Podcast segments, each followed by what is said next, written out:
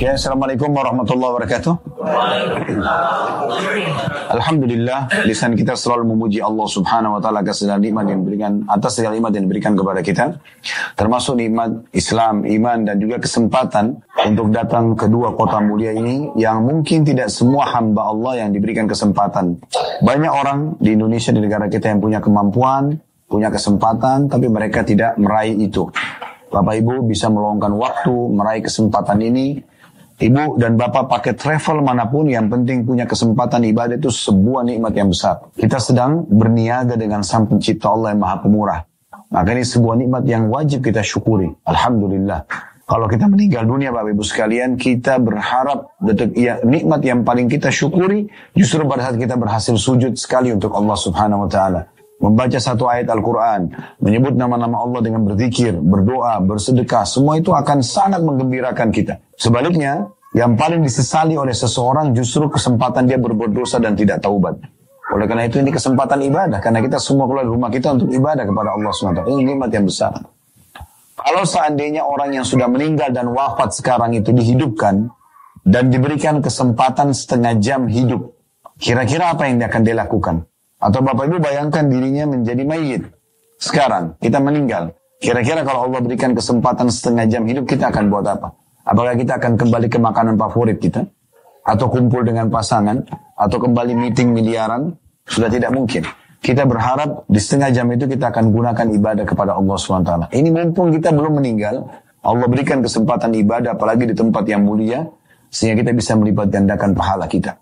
Salah satu hikmah Kenapa di Masjid Nabawi ada pahala besar, di Masjid Haram ada pahala besar? Karena memang Allah ingin memuliakan umat ini. Umur kita sama umur umat-umat sebelum kita itu beda jauh. Ya. Nabi Nuh itu berdakwah di kaumnya Bapak Ibu sekalian 950 tahun. Itu yang didakwahi satu generasi. Di zaman Nabi Nuh alaihissalam pernah ada seorang ibu disebutkan dalam sebuah cerita. Asar, ibu itu umurnya 90 tahun, anaknya meninggal umur 60 tahun. 60 tahun anaknya. Ibunya nangis-nangis. Sambil mengatakan kesian anak saya meninggal masih kecil. 60 tahun dianggap kecil. Kenapa? Karena umur mereka ratusan tahun. Nabi Nuh AS lewat lalu mengatakan, kenapa ibu kau tangisan anak kamu? Dia bilang, kesian, dia meninggal masih kecil. Kata Nabi Nuh AS, jangan kau tangisi anakmu karena akan datang nanti generasi manusia di akhir zaman. Itu kita. Yang umur anakmu ini sudah umur paling tua di antara mereka. Maksudnya kalau sudah 60 tahun dianggap tua. Di zaman itu tidak. Maka ini nikmat yang besar. Allah berikan kesempatan kita untuk bisa menyamai pahala umat-umat sebelum kita justru dengan pelipat gandaan pahala ini. Maka ini kita harus maksimalkan Bapak Ibu sekalian. Jangan sia-siakan.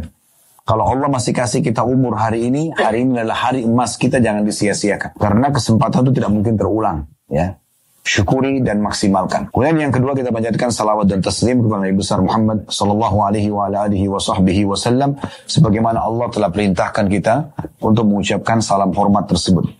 Baik, sebelum saya masuk dan saya minta Bapak Ibu tolong buka aplikasi Al-Qur'an surah Al-Infitar. Kita akan kaji dan tadaburi surah ini. Insya Allah. Surah nomor 82. Dan kenapa saya mengajak Bapak Ibu untuk membaca Al-Quran dan tadabur? Karena memang ini kewajiban kita, bukan pilihan ya. Bagaimana kita mengenal apa yang Tuhan kita inginkan dan informasikan dalam Al-Quran. Karena ini adalah rujukan nomor satu umat Islam, baru kemudian hadis Nabi Sallallahu Alaihi Wasallam ya. Makanya sayang sekali kalau ada umat Islam yang belum tahu bacaannya Al-Quran, belum tahu artinya, belum pernah mentadaburi atau merenungi makna-makna ayatnya, maka itu sayang sekali karena ini pesan ilahi. Setiap hurufnya akan mendapatkan 10 pahala dan juga Al-Quran akan menjadi saksi pada hari kiamat. Karena kata Nabi SAW, Ikra Al-Quran fa'innahu ya'ti syafian li ahlihi yaumal qiyamah. Bacalah Al-Quran karena dia akan menjadi penolong bagi pembacanya pada hari kiamat nanti. Dan ini Al-Quran memang perlu kita pelajari. Nah salah satu surah yang menarik untuk kita baca karena tidak terlalu panjang, surah Al-Infitar atau ini berhubungan dengan masalah gambaran Allah bagaimana kalau terjadi kiamat. Nah sebelum baca ayat-ayat ayat demi ayat kita baca, saya ingin memberikan dulu sebuah uh, pembuka untuk membuka wacana kita bagi buskan. Fenomena yang kita rasakan sekarang setiap harinya kita bangun pagi kayak tadi misalnya, lalu kita mulai beraktivitas, makan, sarapan, aktivitas umumnya apa yang kita kerjakan masing-masing tentunya punya aktivitas. Tiba duhur kita sholat lagi, makan siang, seperti sekarang asar ada kegiatan lagi, sampai nanti maghrib isya tidur lagi malam. Fahami Bapak Ibu sekalian, ini ada batas waktunya. Namanya ajal. Ajal ini sesuatu yang misterius. Tidak tahu kapan datang. Dia tidak akan pernah melihat apakah itu muda atau tua, sehat atau sakit, kaya atau miskin, pintar atau bodoh, pejabat atau masyarakat biasa. Kalau sudah datang, Allah mengatakan faida ajaluhum la yastakhiruna sa'atan wa la yastakdimun. Kalau ajal mereka sudah datang, maksudnya batas yang Allah tentukan, semua aktivitas dunia akan berhenti dari orang tersebut, maka tidak akan pernah terlambatkan sesaat atau dilebihkan sesaat. Dan kalau Allah menginginkan seseorang hamba meninggal di satu tempat, kata Nabi SAW, Allah membuat orang itu punya hajat di tempat itu, kemudian Allah akan merenggut nyawanya di sana. Jangan berpikir Bapak Ibu sekalian nanti kalau kita masuk di ICU baru meninggal. Itu keliru.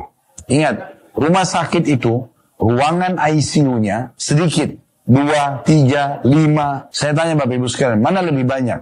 Orang-orang yang sedang dirawat dalam rumah sakit atau orang-orang yang lula-lalang depan rumah sakit? Mana yang lebih banyak? Yang lula-lalang. Berarti lebih banyak orang meninggal dalam kondisi di luar rumah sakit daripada dalam rumah sakit. Itu perlu difahami. Karena banyak orang berpikir, nanti kalau masuk rumah sakit, baru kemudian dekat dengan meninggal. Baru mau sadar, baru mau menyadari. Ini keliru. Karena banyak orang yang meninggal tanpa sakit. Dia tidur, tiba-tiba bangun, sudah tidak ada lagi. Ya. Dan ingat Bapak Ibu sekalian, kalau kita meninggal dunia yang ikut bersama kita, ada tiga. Kata Nabi SAW, kalau anak Adam meninggal dunia ikut ke kuburan tiga. Keluarganya, hartanya, dan amalnya. Serta akan pulang dua. Keluarga akan pulang, harta akan pulang. Yang tinggal hanya amal. Secinta-cintanya suami pada istri, istri pada suami, orang tua pada anak, anak pada orang tua, sahabat pada sahabatnya, maksimal setengah jam di kuburan. Satu jam, habis itu dia akan pulang. Mobil kita, semewah apa pun mobil tersebut, hanya akan diparkir di pagar kuburan. Tidak mungkin masuk liang lahat dan akan jadi warisan. Semua harta kita hanya akan jadi kenangan beberapa hari saja. Oh itu rumahnya si Fulan. Oh itu sepatunya si Fulan. Oh itu tasnya dia. Oh itu dan ini dan itu. Seminggu, dua minggu, sebulan Anda sudah mulai dilupakan. Orang sudah selesai. Tinggal nanti kenangan nama saja. Itu pun juga hanya sampai pada generasi tertentu. Ya. Sekarang siapa di antara kita Bapak Ibu sekalian masih mengenang kakek-kakeknya? Ayah kakeknya, tidak usah jauh-jauh. Mungkin kalau kakek kita masih ingat. Tapi kalau ayah kakek, kakeknya kakek, kita sudah tidak ingat. Mungkin kita tidak tahu namanya, tidak tahu ceritanya. Begitulah kita juga akan tenggelam dengan generasi nanti. Yang tinggal adalah amal. Nah ini Bapak Ibu safar untuk umroh, sholat masjid Nabawi, sedekah, baca Quran, zikir, bakti sama orang tua, jenguk orang sakit. Semua ini, ini akan tinggal bersama kita nanti. Sayangnya, kita banyak fokus kepada dua hal ini, kita lupakan yang satu hal. Kita boleh ya mengumpulkan harta selama itu halal. Kita dianjurkan berbuat baik pada kerabat-kerabat kita. Tetapi jangan lupa amal yang harus kita fokus. Ya seperti sholatnya harus benar, Zikirnya harus benar, baca Quran juga harus benar dan seterusnya. Nah ini perlu untuk digarisbawahi ya. Saya sudah ingatkan tadi Bapak Ibu sekalian, kalau Allah memberikan kita kesempatan ya satu hari saja seperti sekarang kita masih hidup hari ini. Ini adalah hari emas kita. Hari emas kita. Ya. Saya perlu sebutkan ada sebuah riwayat di zaman Nabi Shallallahu Alaihi Wasallam pernah ada tiga orang masuk Islam Tiga orang masuk Islam. Tiga-tiganya ini bersamaan masuk Islam. Lalu mereka bertiga tinggal di rumahnya Talha bin Ubaidillah radhiyallahu anhu. Talha bin Ubaidillah ini sahabat dari 10 sahabat yang jamin masuk surga. Dan insya Allah di Uhud besok kita akan ceritakan peran dia di Uhud gitu kan. Orang ini menjamu tiga orang ini. Lalu dia cerita, dia mengatakan, orang ini, orang yang pertama dari tiga orang ini, ada dikumandangkan jihad, dia ikut berperang lalu dia terbunuh mati syahid. Orang yang kedua, juga dikumandangkan jihad, kemudian dia juga ikut lalu mati syahid. Orang yang ketiga, meninggal di atas ranjangnya, tapi dia telat matinya. Jadi yang pertama mati, mati syahid. Yang kedua mati, mati syahid. Jelang beberapa hari. Kemudian yang ketiga mati di atas ranjang. Lalu Talha bin Ubaidillah radhiyallahu anhu mimpi ketiga orang ini masuk surga, tapi yang paling tinggi derajatnya, yang paling ada di saf depan, itu adalah yang mati di atas ranjang. Baru kemudian yang mati syahid yang kedua, baru yang mati syahid pertama. Maka dia terganggu dengan itu. Dia bangun tidur lalu dia mengatakan, Ya Rasulullah, saya mimpi tiga orang yang tinggal di rumah saya itu. Cuma ada yang mengganggu saya. Kok bisa orang yang mati di atas ranjang, walaupun dia telat mati, itu ternyata dia paling depan dan paling tinggi derajatnya di surga. Kok bisa? Sementara yang mati syahid dua orang ini di belakangnya dia. Lebih rendah derajatnya. Kata Nabi SAW kepada Tolha, kenapa kau hairan hai Tolha? Di mana kamu dengan sholat dia beberapa hari? Puasa dia beberapa hari, sedekah dia beberapa hari.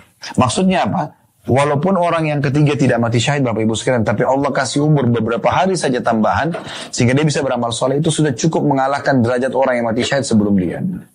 Jadi jangan sia-siakan. Hari ini adalah hari emas kita. Di saat hari ini kita diberikan kesempatan Allah beramal soleh maksimal. Dan kalau kita masih punya dosa di masa lalu, taubat. Kesempatan emas.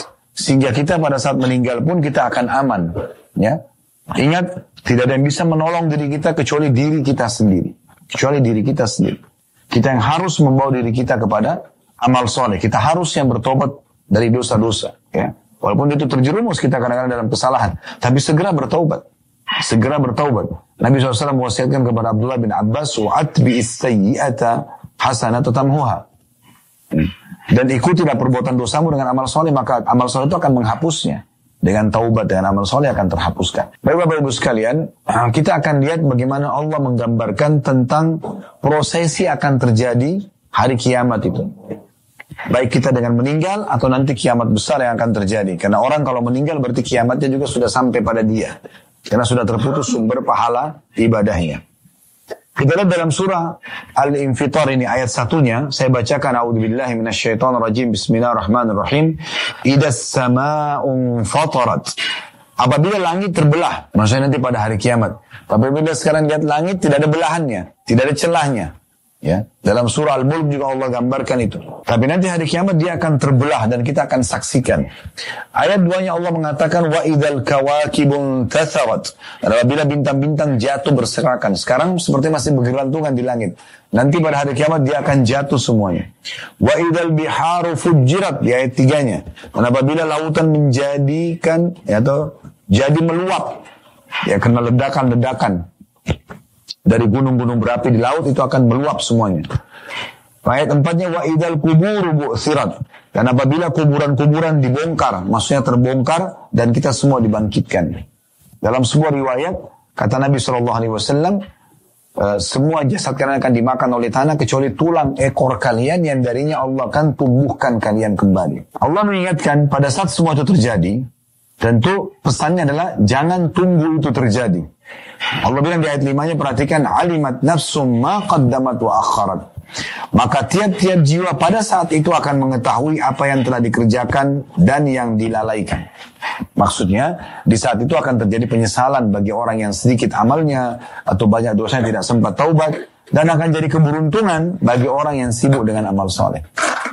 Ada sebuah riwayat menarik teman-teman sekalian sehingga saya diriwayatkan oleh Al Baihaqi riwayat ini dan dihasankan oleh para ulama Kata Nabi SAW, setiap mukmin pun yang masuk ke dalam surga, itu menyesali peluang-peluang peluang-peluang amal soleh yang luput dari dia. Orang mukmin sudah masuk ke dalam surga, dia sudah nikmatin sebenarnya. Tapi dia bisa menyesal karena ada peluang-peluang ibadah yang dia sia-siakan. Karena kalau dia kerjakan, dia akan dapat derajat yang lebih tinggi.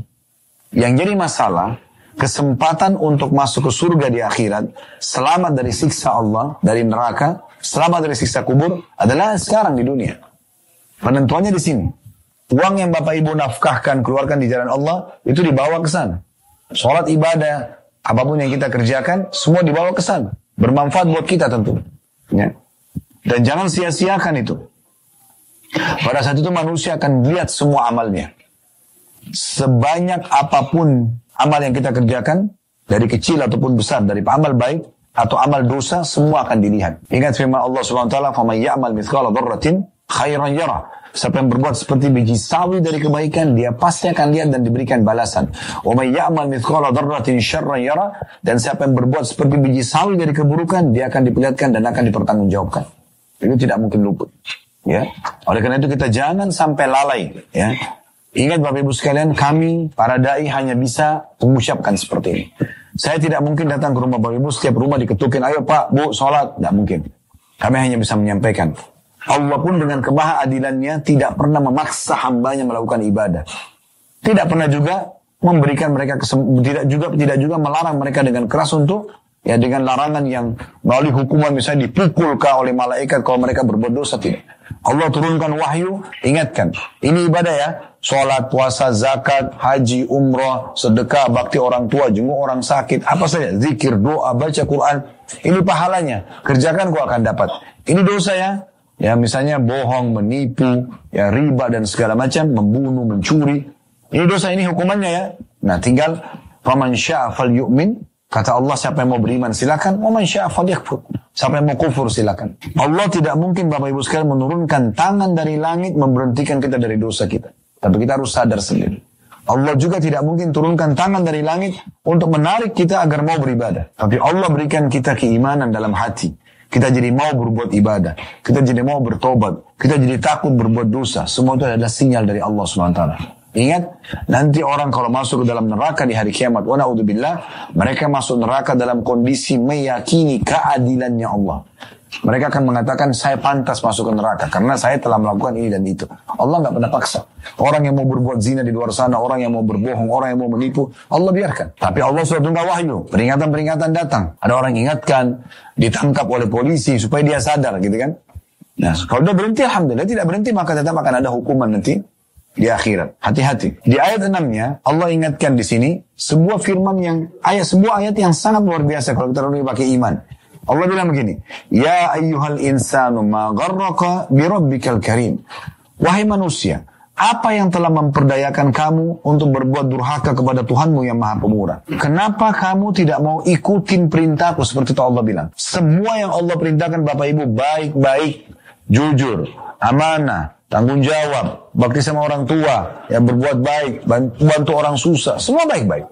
Semua yang Allah larang, bohong, menipu, mencuri, memfitnah, memukul, semua dilarang. Orang kalau mengikuti firman Allah SWT, itu jadi orang baik. Jadi orang baik, karena semuanya kebaikan yang diperintahkan, semua yang dilarang keburukan.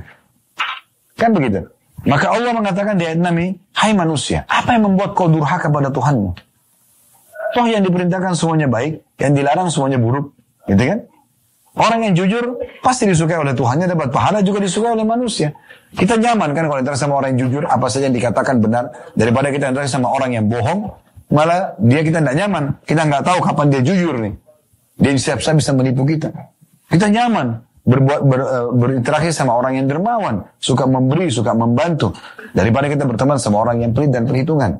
Berarti Islam sudah menyuruh kita seperti itu. Maka apa yang membuat hai manusia, engkau durhaka terhadap Tuhanmu? Lalu Allah di ayat tujuhnya memperkenalkan tentang dirinya. Allah, Tuhan kalian itu adalah Alladhi khalaqaka fasawwaka fa'adalak. Yang telah menciptakan kamu. Allah itu yang telah menciptakan kamu lalu menyempurnakan kejadianmu dan menjadikan susunan tubuhmu seimbang. Lihat dalam diri kita dulu. Sekarang saya dari mana nih asalnya? Lima jari-jari dengan sempurnanya, kulitnya, alisnya, rambutnya, mata, bibir, hidung, segala macam. Ini ada sesuatu di sini. Ada pesan. Allah mengatakan dalam ayat lain, Wa anfusikum. Dalam diri kalian sendiri kenapa kalian tidak lihat ciptaan itu? Dari mana asal? Sini Masya Allah rata-rata Bapak Ibu saya lihat ada keturunan anak-anak. Lihat anak-anak itu. Dari mana mereka ini? Saya pernah berbicara sama istri saya. Pada saat ada anak kami lewat, kami sempat bicarakan tentang anak itu. Lalu saya bilang, Subhanallah, Maha Suci Allah. Apa andil kita di anak ini? Satu lembar alisnya saja kita tidak punya andil. Kita ini cuma punya status. Saya Allah amanakan sperma, kamu diamanakan sel telur. Tuangkan sperma, ketemu sel telur jadi manusia ini. Lalu kita punya status ayah dan ibu. Kita ini bukan pemilik. Ini ada yang menciptakan. Allah tunjukkan di depan mata kita, ini loh aku ciptakan. Ya. Kita bahkan tidak bisa pilih mau kulitnya putih atau gelap, mau laki-laki atau perempuan, kita nggak bisa tentukan. Mau sempurna atau tidak, itu tidak mungkin kita campur tangan. Kita cuma tahu berikhtiar. Maka ada tanda-tanda kebesaran Allah sang pencipta yang memerintahkan kalian dan mengingatkan kalian agar selalu patuh kepadanya. Jangan lalai yang telah menciptakan kalian di sini bahasanya luar biasa. Menciptakan itu dari tidak ada menjadi ada ya. lalu menyempurnakan kejadianmu. Sperma sama sel telur. Sperma subhanallah kalau tidak membuahi dibuang. Orang tidak suka baunya, orang buang. Perempuannya cebok, maaf saya bahasa, buang. Itu manusia semua itu, bibit manusia. Di setiap sperma ada bibit manusia. Dengan alat sekarang kita bisa lihat, mengetahui kalau ini jadi dengan sel telur, dia akan jadi laki-laki atau jadi perempuan. Bahkan bisa diketahui warna matanya dan rambutnya dengan teknologi sekarang. Tapi dibuang. Itu. Yang lolos hanya kita saja. Dari sekian miliar sperma, kita yang lolos. Allah bilang, yang telah menyempurnakan kejadianmu. Ketemu sel telur sama ya sperma. Kemudian saya pernah lihat cuplikan dokumenter ilmiahnya, tapi e, ilustrasi ya, bagaimana sperma itu punya ekor, dia berjalan dengan sangat cepat, kemudian dia seperti punya satu pesan yang harus dia cari di mana sel telur yang ada di lipatan-lipatan rahim wanita. Dan digambarkan sel telur seperti debu, sangat halus. Kemudian dia berjalan di atas bulu-bulu yang halus di rahim, terjepit di antara lipatan-lipatan, tapi sperma bisa tahu di mana dia. Ketemu, pada saat ketemu, lepas ekornya, katup kepalanya terbuka, di dalamnya ada inti sperma, ketemu, lalu berubahlah menjadi gumpalan darah, menjadi daging, menjadi tengkorak, menjadi luar biasa bagaimana terbentuk manusia itu keajaiban yang luar biasa ini.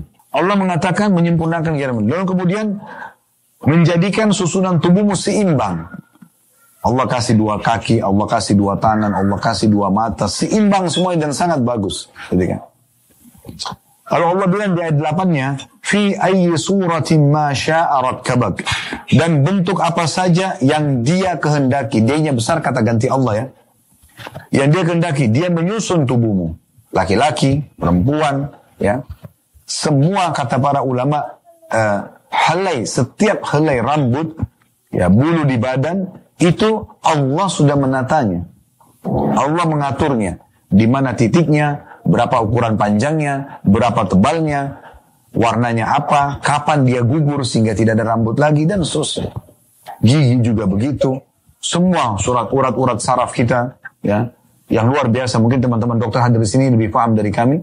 Tapi kita cuma membaca, membaca ayat secara umum. Tapi mungkin yang pelajari secara mendalam, Dokter saraf tahu bagaimana rumitnya saraf-saraf yang ada di, di, di tubuh kita ini dan fungsinya masing-masing itu. Saya juga pernah lihat satu dokumenter tentang tubuh manusia diilustrasikan itu seperti satu pabrik yang sangat besar. Bapak Ibu tadi kayak makan siang itu, kan kita cuma tahu ini nih, mau daging, uh, daging sapi, mau ayam, mau makan nasi, mau roti, kan kita cuma milih. Setelah kita kunyah, apa peran kita? Kita ini manusia Bapak Ibu sekalian hanya memilih dan menikmati. Kalau lapar nih, kayak tadi kita makan siang atau sebentar makan malam, kita tinggal buka, uh, tutup-tutup makanan, terus sekarang kita cari, pilihlah. Setelah kita milih, mungkin awal di ujung kita kita masih bisa bedain, oh ini daging, oh ini nasi, oh ini roti, oh ini sambal misalnya, ya. Tapi setelah lewat ukuran sepertiga jari kita ini, di tenggorokan, siapa di antara kita teman-teman yang bisa masih bisa bedain mana sambal, mana nasi, mana ayam, mana segala macam. Dan pada saat dia masuk dengan rumitnya komposisi makanan itu, yang mana vitaminnya, yang mana zat besinya, yang mana segala macam, itu kan butuh diurai. Bagaimana bisa tubuh kita ini dengan luar biasa keajaibannya, itu dia bisa masuk ke dalam tubuh dan terurai dengan begitu rapi. Digambarkan di film dokumenter itu, tapi ilustrasi ya. Tapi sangat menarik itu. Jadi bagaimana di tubuh kita itu kayak sudah ada lift-liftnya sendiri. Ada sel-sel yang mengatur semua. Jadi luar biasa gitu. Sampai uh, yang yang dibutuhkan oleh tubuh diambil semuanya dan yang tidak diperlukan dibuang dalam bentuk ampas kita sudah tahu jadi buang air bahkan kalau manusia tidak ya tidak membuangnya mungkin dia bisa meninggal dunia sakit gitu kan karena itu racun tapi itu luar biasa. Bagaimana bisa tubuh manusia yang begitu luar biasa sempurna tidak membuat manusia itu menyadari kalau ini semua ada yang mengaturnya. Allah menyuruh kita melihat di tubuh kita itu agar kita menyadari. Itu yang Allah mengatakan tadi dalam ayat 8 dalam bentuk apa saja yang dia kehendaki. Dia Allah menyusun tubuhmu. Ayat 9-nya, kalla bal tukadzibuna biddin.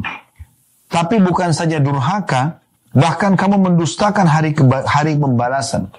Sebagian manusia apalagi yang ateis, nggak ada Tuhan. Mana Tuhan? Nggak nampak misalnya. Ya. Dia lupa kalau dia dari sesuatu yang tidak ada. Ini dari sperma yang dibuang kalau tidak membuahi sel telur. Lalu tiba-tiba dia membangkang mengatakan tidak ada Tuhan. Mana Tuhan? Tidak nampak. Lalu semua ini yang di depan mata dia pergantian siang malam, pergantian musim, ya adanya udara, adanya air di tubuh dia sendiri. Segala macam fenomena. Ini tidak ada yang ciptakan. Kira-kira Bapak Ibu sekalian masuk akal nggak? Lampu ini akan ada tanpa ada yang membuat lampu itu. Ada yang memasangnya. Hotel ini tiba-tiba ada tanpa ada yang membangunnya. Tak mungkin. Kalau ini saja begini, Bapak lagi di alam semesta sana. Saya kadang-kadang sering memberikan contoh ini supaya lebih membuka wacana. Kita berpikir. Kadang-kadang kita lebih bangga Bapak Ibu sekalian dengan para pelukis yang datang di pinggir laut, dia lukis di satu kali satu meter papan lukisnya laut itu. Kita ada di sebelahnya misalnya. Digambar laut, air laut itu biru, dibuatlah misalnya ada burung terbang digambar, ada matahari, ada pohon kelapa misalnya. Begitu jadi persis seperti apa yang kita lihat dan dia lihat, pasti umumnya orang membanggakan pelukis tersebut. Oh hebat nih, lukisannya mirip dengan aslinya. Ya, dipuji-puji lah pelukis tersebut dan dijual mahal lukisannya. Subhanallah. Padahal orang ini hanya menciplak. Kenapa kita bangga dengan lukisan tersebut, kita beli dan kita pajang, sementara kita lupa dia cuma menciplak yang ada sebenarnya. Udaranya kita bisa rasakan. Terik matahari kita bisa rasakan. Suara air kita bisa dengarkan. Kelapanya bisa kita nikmati. Lalu kita lupa semua itu. Subhanallah. Ya. Kadang-kadang manusia begitu. Mereka durhaka kepada Tuhan mereka. Padahal Tuhan Tuhan itu ada. Orang yang mengatakan, tapi kenapa Allah tidak kelihatan Ustaz? Tidak semua yang tidak nampak itu tidak ada. Bapak Ibu bisa rasa nggak lapar? Haus, ngantuk, sedih, suka, marah, bisa rasa. Pernah lihat nggak wujudnya? Tidak semua yang tidak nampak itu tidak ada.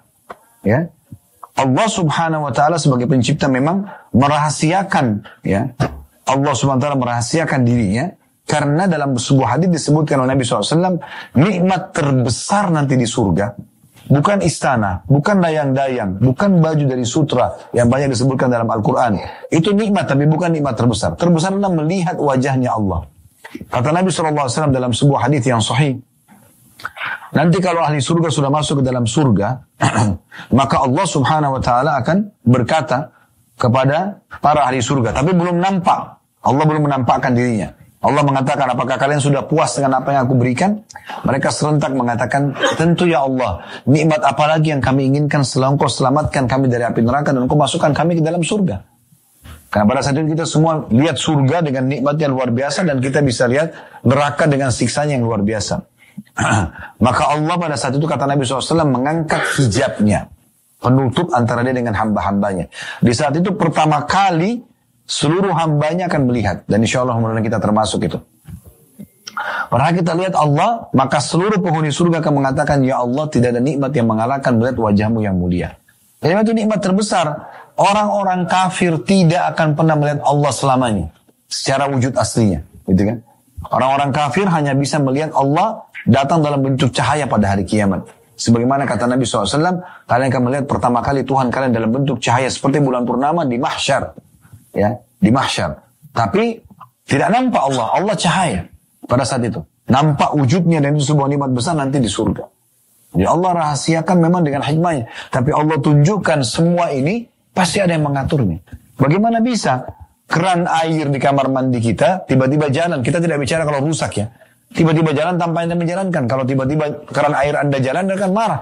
Nah, siapa yang nyarain nih? Kok begini gitu? Bagaimana dengan hujan yang turun dari langit?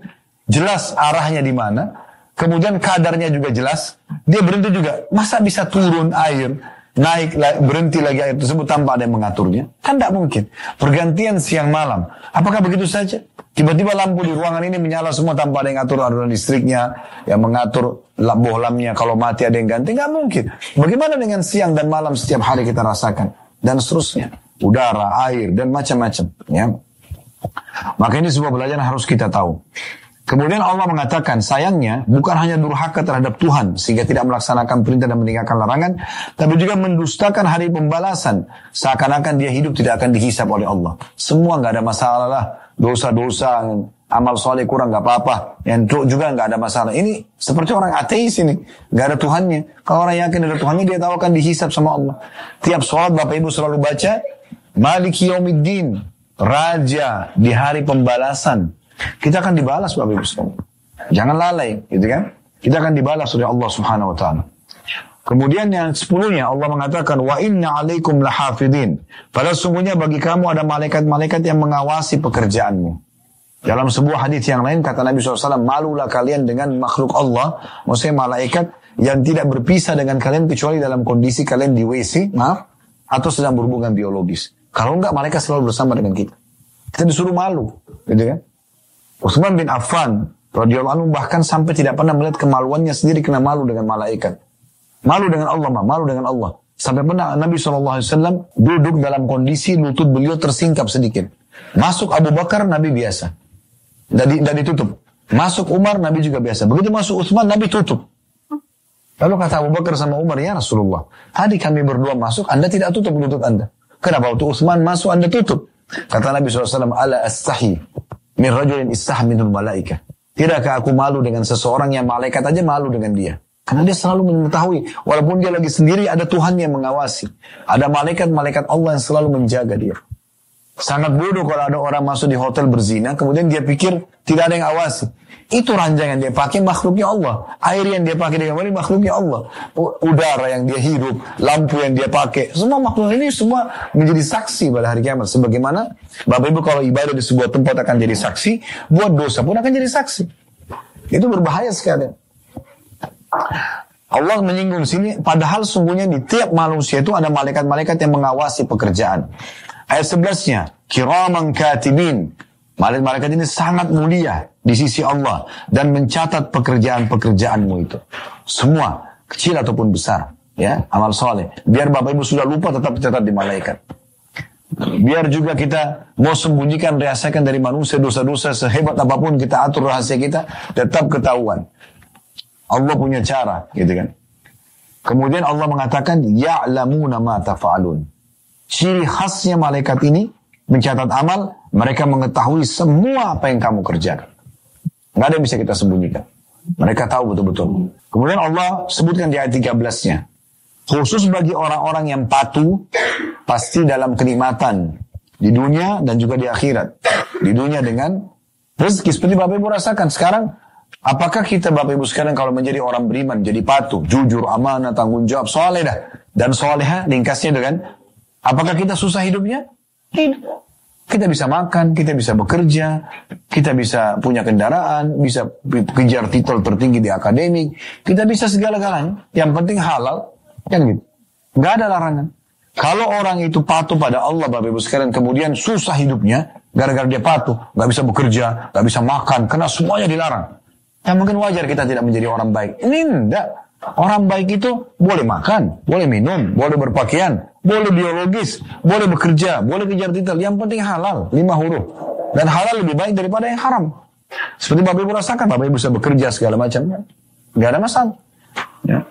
Dan keutamaan kelebihannya dibandingkan orang-orang kafir. Kalau kita kerjakan karena ini, ini adalah dibolehkan oleh Allah dapat pahala. Selain dapat kenikmatan di akhirat juga masuk surga. Kalau mereka tidak mereka tidak kenal halal haram maka mereka kacau dari sisi ini pendapatannya. Di dunia mereka menderita di akhirat juga akan masuk neraka. Lalu Allah mengatakan di ayat 13 innal abrara lafi na'im. Pastikanlah sesungguhnya orang-orang yang banyak berbakti dari ibadah ke ibadah yang lain benar-benar berada dalam surga yang penuh dengan kenikmatan. Penuh kenikmatan. Kemudian ayat 14-nya wa innal fujjara lafi jahim dan sungguhnya orang-orang yang durhaka pasti benar-benar mereka dalam neraka. Saya ingin berbagi di dua ayat ini 14 dan 15 sebuah hadis Nabi SAW. Kata beliau SAW pada di hari kiamatnya akan didatangkan orang yang paling besar nikmatnya di dunia. Lahir sebagai anak raja, tumbuh besar di kerajaan, semuanya terpenuhi, badannya sehat, wajahnya tampan atau cantik. Kemudian pada saat orang tuanya meninggal jadi raja, sampai meninggal jadi raja juga. Tapi kafir. Kata Nabi SAW akan datangkan orang nanti pada hari kiamat, orang yang paling besar nikmat Allah pada dia, tapi dalam kondisi kafir. Didatangkan lalu dicelupkan satu celupan di neraka dikeluarkan. Ditaruh aja dikeluarkan. Lalu setelah itu ditanya, pernah nggak kau rasa nikmat selama ini? Dia mengatakan demi Allah tidak pernah sama sekali. Satu celupan neraka menghilangkan semua nikmatnya dunia. Sebaliknya akan didatangkan orang Kata Nabi SAW, orang yang paling menderita di dunia. Lahir dalam kondisi tidak punya tempat tinggal orang tuanya. Mungkin meninggal dua-duanya. Jadi, ya terlantar, penuh penyakitan. Tapi dia soleh, misalnya. Dia lakukan banyak sholat, dia jalankan perintah agama misalnya. Kekurangannya banyak dari sisi finansial atau fisik misalnya. Tapi dia sholat, dia ibadah. Pada saat dia meninggal, dia menderita di dunia. Ya, didatangkan dan dicelupkan satu celupan di surga, dikeluarkan. Satu celupan lalu dikeluarkan. Ditanya, kau pernah menderita nggak selama ini? Kata dia demi Allah tidak pernah sama sekali. Semua susahnya dunia itu akan hilang dengan satu celupan di surga. Ini tempat yang luar biasa. Kata Nabi SAW, hadis yang lain, siapa yang masuk ke dalam surga, tidak akan pernah habis masa mudanya. Tidak akan pernah sakit. Ya, tidak akan pernah rusak bajunya. Tidak ada lagi buang air besar. Tidak ada lagi buang air kecil. Makanan dan minuman yang mereka konsumsi di surga yang tidak dibutuhkan oleh tubuhnya akan keluar dalam bentuk keringat yang itu pun lebih wangi dari kasturi. Gak ada WC lagi di surga itu. Dan kata Nabi SAW dalam hadis yang lain, tidak ada seorang pun yang meninggal. Bayi ataupun sudah sangat tua. Misalnya baru satu hari lahir meninggal. Sama orang mungkin 120 tahun umurnya meninggal. Kecuali akan dibangkitkan umur 33 tahun. Nggak lebih, nggak turun. Begitu begitu, ya. Dalam perawakan mereka ahli surga itu, tinggi badannya seperti Adam alaihissalam. Kata Nabi SAW, Adam itu 60 siku ke langit, 27 setengah meter. Mereka wajahnya seperti Yusuf. Nabi Yusuf alaihissalam waktu lewat, wanita-wanita di Mesir memotong jari mereka karena tampannya. Nggak lagi orang jelek. Kemudian hati mereka seperti Ayub, Nabi Ayub alaihissalam. Nabi Ayub itu tidak pernah dendam, hatinya bersih sekali, nggak pernah marah, baik terus, memaafkan orang terus, selalu bahagia. Seperti itu keadaan surga. Dan ini cuma tinggal tunggu kita patuh di sini, dapat di sana. Ini penting. Di perang Uhud nanti kita akan ceritakan besok insya Allah salah satu jenazah nanti itu diajak bicara sama Allah namanya Abdullah bin Haram radhiyallahu anhu. Dikatakan oleh Allah minta sesuatu yang hambaku. Kata dia, apalagi ya Allah saya mau minta. Saya ternyata dengan ditusuk oleh musuh terus langsung tiba-tiba bisa lihat semua nikmat ini luar biasa. Saya tidak tahu harus minta apa lagi. Kata Allah minta lagi. Dia bilang kalau ya Allah saya harus minta kembalikan saya ke dunia. Bukan untuk kumpul sama istri, bukan untuk sama anak, bukan untuk bekerja. Supaya saya ditusuk lagi. Mati syahid. Kata Allah SWT sudah menjadi peraturanku. Tidak mungkin lagi orang mati kembali ke dunia. Tidak mungkin. Sudah sekali saja. Gitu kan. Maka dia mengatakan, Ya Allah kalau begitu sampaikan kepada saudara-saudaraku yang belum menyusul aku. Bahwa saya jangan mereka takut, jangan mereka sedih. Udah mati aja di jalan Allah. Ini semua pasti sudah dapat. Maka Allah turunkan firmannya, Wala tahsabanna sabila amwat. Jangan kalian mengira orang yang mati di jalan Allah itu terbunuh, mati. Eh, yang terbunuh Allah itu mati. Balahyu yang rabbi mirzakun. Tapi mereka di sisi Tuhan mereka, mereka diberikan rezeki. Ya, Farihina bima atamullah min fadli. Mereka sangat gembira terhadap apa yang Allah kurniakan kepada mereka. Wa yastabshiruna billadzi lam yalhaqu. Dan mereka menyampaikan berita gembira kepada orang-orang yang belum menyusul mereka. Jadi itu kondisinya, keadaannya. Patuh di dunia dapat kebahagiaan. Kita bisa menjadi orang yang sukses, kejar harta, jabatan, keluarga, anak-anak. Silakan, tidak ada dalam Islam dilarang. Yang penting halal, gitu kan? Bahagia dunia, bahagia akhirat. Lalu kenapa nggak jadi orang baik saja? Gitu. Dan saran saya juga Bapak Ibu sekalian, kalau Anda mau jadi orang baik, jadi orang baik sekalian, jangan setengah-setengah. Ada orang mau hijrah, tapi setengah-setengah. Kenapa setengah-setengah? Kenapa nggak langsung jadi orang baik saja? Tidak usah peduli dengan perkataan orang. Kamu kamu alim ya, kamu soal ya, kamu soal biarin aja. Kan aja dia ngomong. Tidak perlu. Semua pujian dan cacian orang hanya sepanjang lidahnya saja. Tidak ada yang perlu dikhawatirkan. Gak ada yang gak, gak, gak merusak tubuh kita. Kamu alim ya, kamu begini. Gak ada yang gangguan buat kita. Sama biarin aja. Tuhan kita yang berurusan sama Tuhan kita Allah subhanahu wa ta'ala. Daripada menyesal dikatakan di sini ayat 14-nya. Dan ingatlah orang-orang yang durhaka sebaliknya akan masuk dalam api neraka. Ayat 15-nya. Yaslaunaha yaumaddin. Mereka akan masuk di dalamnya pada hari pembalasan. Maksudnya orang taat ke surga, orang durhaka ke neraka. Ayat 16-nya, "Wa hum anha bighaibin" dan mereka sekali-kali tidak dapat keluar dari neraka itu. Mereka dalam keadaan kafir, disiksa selamanya. Ya. Ada sebuah riwayat yang unik sekali saya pernah temukan dalam hadis. Kata Nabi SAW nanti ahli neraka itu karena siksa 24 jam non-stop dipukul, dikasih uh, minuman panas, air panas yang melepuhkan tubuh mereka, minum dari darah dan nanah mereka sendiri. Ya, itu kata Nabi SAW, maka mereka memanggil penjaga neraka sambil mengatakan, tolong minta kepada Allah, ringankan satu hari azab buat kami. Maka mereka tidak menjawab mereka. Sekian lama tidak dijawab. Gitu kan? Lalu kemudian mereka panggil Tuhan mereka. Sambil mengatakan, ya Allah, ya tolonglah ringankan buat kami siksa ini. Padahal Allah itu sifatnya Ar-Rahman Ar-Rahim. Maha pengasih, maha Tapi pada saat itu sudah tidak lagi Allah kasihani mereka. Karena mereka meninggal dalam keadaan durhaka. Ya. Maka Allah tidak jawab mereka kata Nabi SAW seumur dunia. Berapa miliar dunia ini umurnya? Tak berapa miliar tahun begitu. Allah tidak jawab. Setelah itu Allah jawab mereka. Setelah miliar itu Allah menjawab. Ya. Allah mengatakan janganlah kalian bicara denganku. Ya, sungguh kalian akan tinggal di sana dalam kondisi terhina. Udah. Maka pada saat itu kata Nabi SAW, mereka menyesal sampai di tempat air mata mereka keluar darah.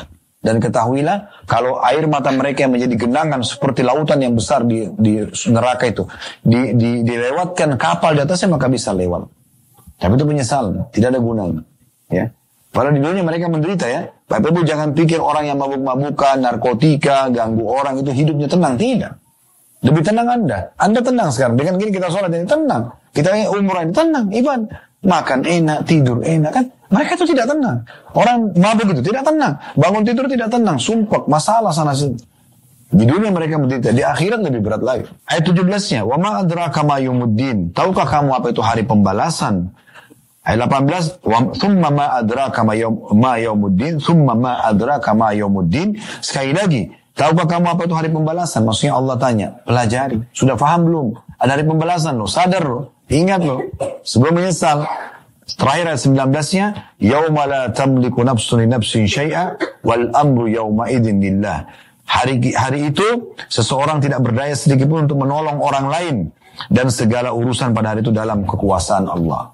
Artinya pada hari kiamat nanti sudah tidak ada lagi kesempatan untuk memperbaiki amal soleh, apalagi menolong orang lain. Dalam sebuah riwayat disebutkan, nanti pada hari kiamat akan datang seorang suami berkata pada istrinya, saya dulu pernah berbuat baik sama kamu di dunia. Ini, itu disebutin semua. Kata istrinya benar, saya akui. Lalu kemudian suaminya bilang, tolong bantu saya dengan satu pahala. Supaya saya bisa selamat. Apa kata istrinya? Selama ini suami sudah buat baik. Dia mengatakan, saya khawatir kalau saya kasih kamu malah saya tidak selamat. Dia tidak mau berbagi satu pahala. Begitu juga sebaliknya, seorang istri datangi suaminya, dia mengatakan, bukankah saya dulu berbuat baik ini dan itu, kata suaminya benar. Diakui semua. Lalu dia bilang, tolong saya dengan satu pahala. Kata suaminya, saya takut kalau saya kasih kamu, kamu yang selamat, saya tidak. Maka mereka tidak saling bantu. Itu luar biasa. Dalam ayat Al-Quran yang lain Allah mengatakan Yawma yafiru mar'u min abi. Pada hari itu orang lari dari ayahnya. Wa ummihi wa abi. Eh, Yawma yafiru mar'u min akhi. Pada hari itu orang lari dari saudaranya. Wa ummihi wa abi. Ibunya dan ayahnya. Wa sahibati wa bani. Pasangan hidupnya dan juga anak-anaknya. Likulli Minhum yugni. Karena pada hari itu orang mau menyelamatkan dirinya. Pada saat mau timbangan amal itu.